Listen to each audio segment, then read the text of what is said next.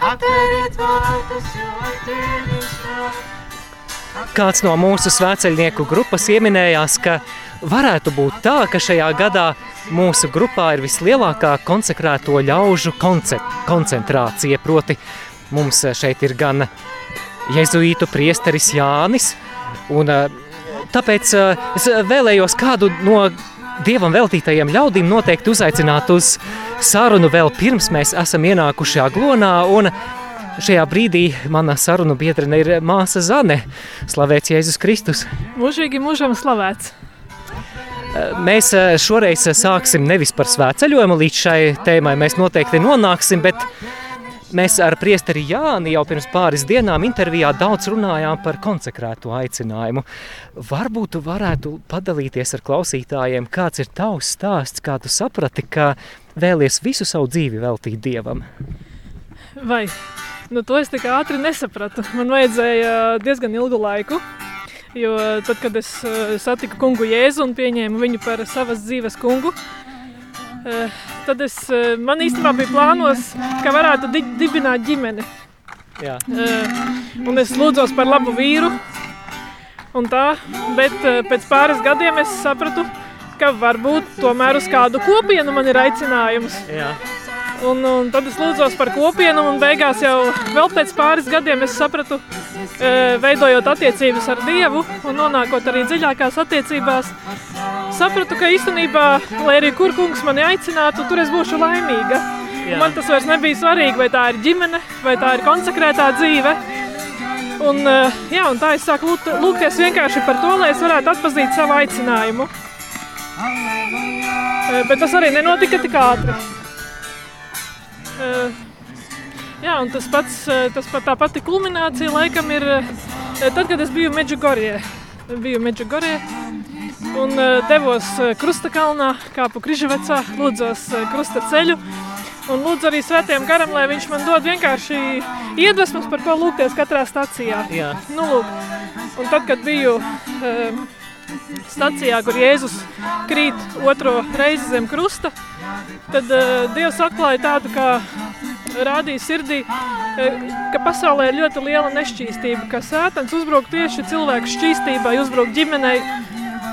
Un kaut kādā veidā Dievs arī rādīja, ka atklāja, ka šai šķīstībai ir ļoti liela nozīme debesu valstībā. Un sadzirdēju arī savā sirdī šo aicinājumu, ka vārdus, kad Jēzus saka, es meklēju šķīstas sirdis, caur kurām dzīvot šajā pasaulē. Un, Un tas mans, mans iekšējā, iekšējā atbilde bija, es teicu Jēzum, es vēlos būt šī šķīstā sirds, caur kuru tu vari dzīvot pasaulē. Nu, lūk, tad, tad arī sākās sapratu, ka kungs mani aicina uz konsekrēto dzīvi, Jā. bet nebija skaidrs, kur. Jā, Kurā? tieši izrāvi man jautājumu no mutes, jo patiešām to kongregāciju ir ļoti daudz, un kāds bija tavs ceļš atpazīstot, kura ir tavējā? ceļš arī bija samērā gan ilgs, gan netik ilgs. Jo pirms tam es satiku Polijā vienu priesteri, viņš man saka, es kā tevi ieraudzīju, man bija skaidrs, ka tu esi konsekrēta, nu, dvēsele, nu, tāda konsekrētā dvēsele. Oh. Un man likās, ko viņš runā, kādas muļķības. nu, man likās, nu, kad es saku Dievam, jā, ka tu vari vest mani, kur gribi, bet tomēr, tad, kad teica, ka uz konsekrēto dzīvi, tad man likās, nu, ka tur varbūt tomēr nē. Un, Uh, jā, un uh, tad, es, tad viņš man deva visādus katalogus ar, ar klosteri, klosteriem, lai es skatos, lai es meklēju, bet nu, man tas daudz nepalīdzēja. Es īstenībā sāku beigt no viņa. Uh, bet tad es arī dzīvoju kādu laiku Anglijā. Devos tur uz dažādām kopienām, bet joprojām bija tā sajūta, ka tas nav mans, nav, nav mana vieta. Es dzīvoju arī Šemenef kopienā kādu laiku, un tur arī tomēr sajūta, nu, ka nav mana vieta, ka kungs mani tur neaicina. Un tad kādu dienu, eh, esot Anglijā, no rīta lūdzos un jautāju kungam, nu kā tas ir? Tu mani aicini, bet joprojām nepasaki, kur jau kāds pusgads bija pagājis. Un, eh, un tad es vienkārši atšķīru svētos rakstus un lasīju, kur Jēzus saka, ja kāds grib būt pirmais, tas ir, lai ir visu kalps, lai kalpo visiem. Un interesanti, ka iepriekšējā dienā es biju nejau, vienkārši nejauši Eh, laikam Facebookā uzšķīrusi māsu kalpoņu eh, mājas lapu, tur paskatījos, palasīju, ko viņas raksta. Un man likās, man viņas ļoti iepatikās. Viņas rakstīja, man likās tā autentiski par darbu ar, ar ielas bērniem. Un viņas rakstīja, ka tas ir grūts darbs. Un man likās, beidzot kāds pasaka patiesību, jo citās, man likās, citās mājas lapās vai vietās vai klosteros runāja, ka tas ir tik cēli, tik skaisti, kas noteikti tā arī ir. Bet es zinu, nu, ka tas arī ir grūti. Un, uh, tad, kad es meditācijas laikā lūk šo vārdu izlasīju, es domāju, kas man tur tā uzrunā. Un tad es sapratu, ka tas ir tas vārds kalps. Un tad domāju, jā, māsas kalponis noteikti to savā ikdienā izdzīvo šo vārdu. Un, jā, un tieši lasot svētos rakstus, es arī sapratu, ka tā ir māsu kalpoņu kongregācija. Tieši tā, tik vienkārši. Māsa Anne pastāsti lūdzu klausītājiem mazliet vairāk par māsu kalpoņu kongregāciju, kāda ir tās harizma, kas tā ir raksturīgs. Mūsu kongregācijas dibinātājs ir Svētīgais Tēvs Honorāts Kapucīns. Esam radušies Polijā. Un mūsu tas pirmais, pir, jā, teikt, pirmais aicinājums ir harizma. Ir tāpat kā tēvs honorāts, līdzīgi atpazīt laikmeta zīmes un atbildēt uz laikmeta vajadzībām. Un tad tāds jau konkrētāks aicinājums tajā laikā, kas radās, ir doties pie lauku ļaudīm, mācīt uh, viņiem uh, dažādas prasmes, bet tagad loģiski kopš 1887. gada laiki ir nedaudz mainījušies. O, jā. Arī sabiedrība ir mainījusies. Līdz ar to tas pats svarīgākais, eh, tās būtiskākais, kas mums tiešām ir palicis, atpazīt šīs laikmeta zīmes un atbildēt, atbildēt jā, laikmeta vajadzībām.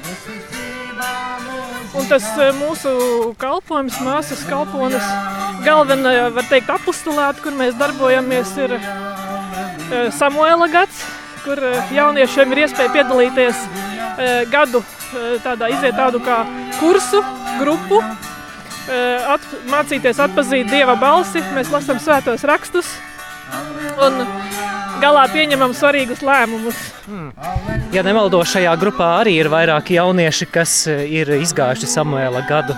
Jā, šajā grupā mēs mēģinājām skaitīt, ir apmēram kādi desmit jaunieši, jā, kas ir jau... Tik daudz! Jā, jā un šo, šogad, būs, šogad ir tieši desmit gadi, kā Samuēla gads pastāv Latvijā.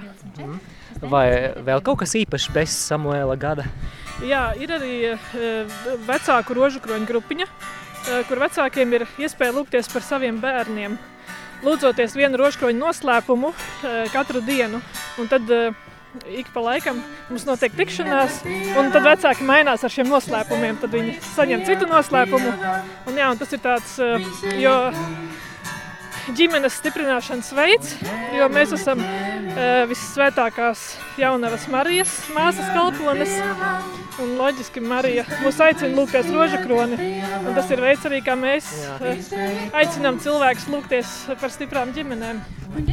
Tā, lai mazliet uh, pasmaidītu, tu jau noteikti zini, māsa Zane, ka tautā Latvijā jūs mēdz saukt par ķīpsalas māsām.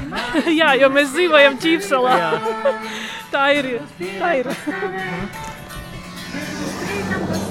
Māsu kalpoņu kongregāciju, vismaz no tādām klauzūras māsām, kādas mums ir ikšķilē, atšķir arī dzīvesveids, ka tu palabo mani, ja es kļūdos, bet māsas arī var strādāt laicīgus darbus, bet dzīvo kopienā. Jā, visu pateici pareizi, ļoti pareizi. Mēs dzīvojam kopienā, vienā mājā. Nu, Latvijā mums ir divas mājas, viena arī Priedainē. Un pa dienu mēs ejam laicīgā darbā. Mums ir gan māsas skolotājas, māsa psiholoģa.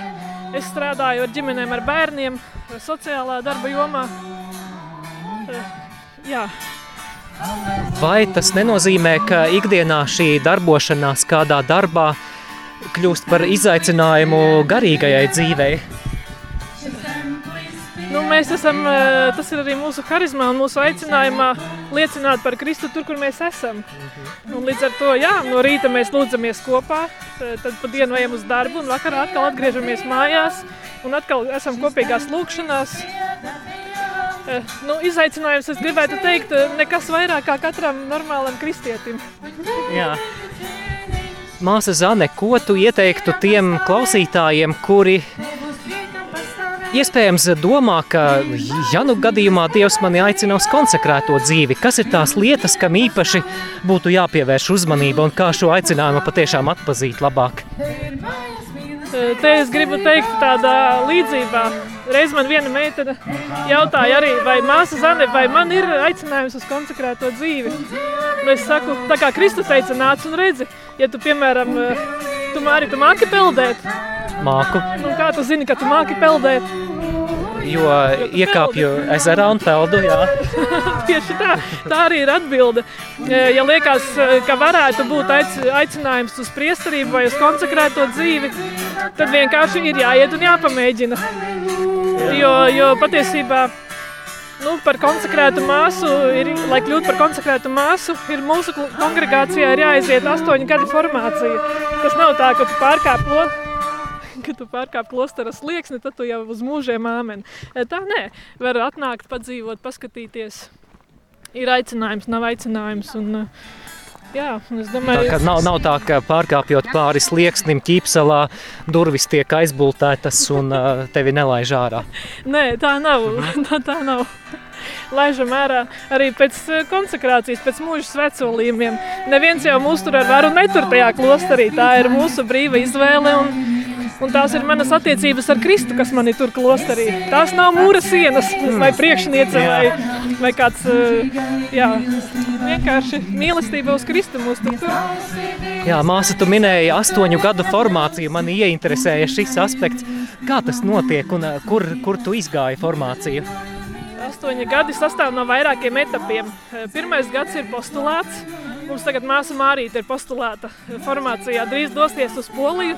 Kas ir Rudenī. postulāts? Eh, Postulāts ir tāds eh, formācijas posms, kad eh, kandidāte iepazīstās ar kopienu. Jā. Vienkārši dzīvo, skatās, jā, iepazīstās ar kopienu, ar mūsu harizmu, ar apostulātu.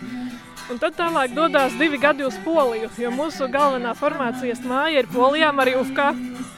Ļoti skaistā vietā. Un tad jau notiek tāda, var teikt, stingrāka formācija. Māsa dzīvo klauzūrā. Tas nozīmē, ka nu, manā laikā nebija, ne telefo, nebija telefons, nebija nekādas saziņas ar ārpasauli, izņemot vēstules. Ja, bet, jā, tad ir tāda vairāk stingrāka formācija. Un pēc šiem diviem gadiem māsa saliek pirmos svētsolījumus, kurus viņa atjauno ik pa gadam, piecu, piecus gadus. Jā. Un tad kopā pēc šiem astoņiem gadiem uh, tad ir mūža svētsolījumi.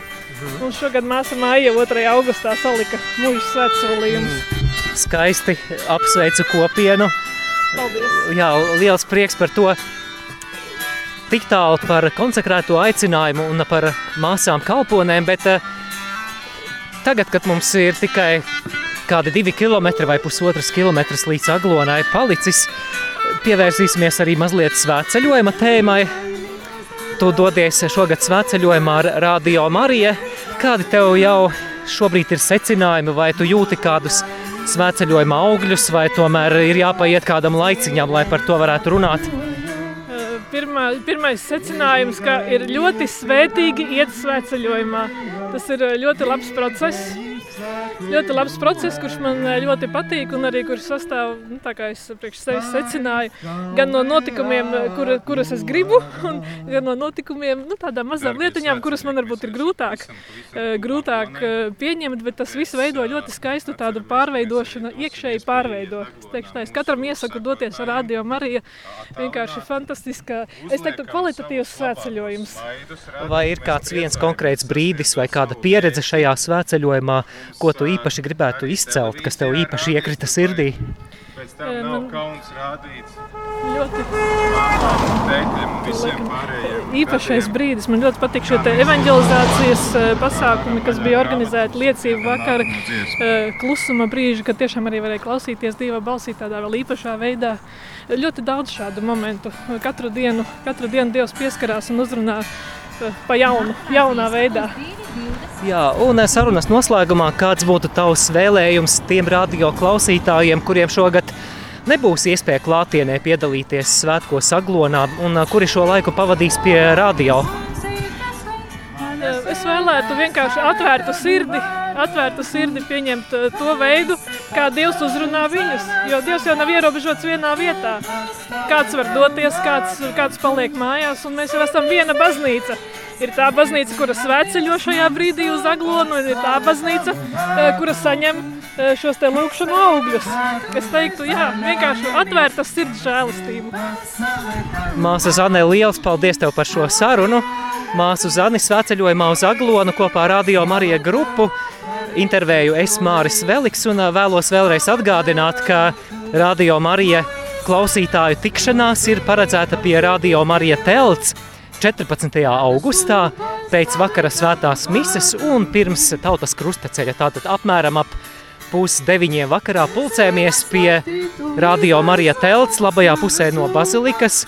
Tā būs iespēja iepazīt gan pārējos klausītājus, radio Marija brīvprātīgos un darbiniekus un vienkārši būt sadraudzībā, sajūtot, ka mēs esam reālas personas.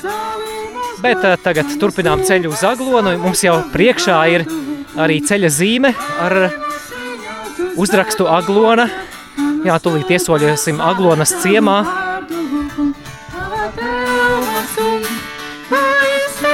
Slava tev par visu, veic! Slava tev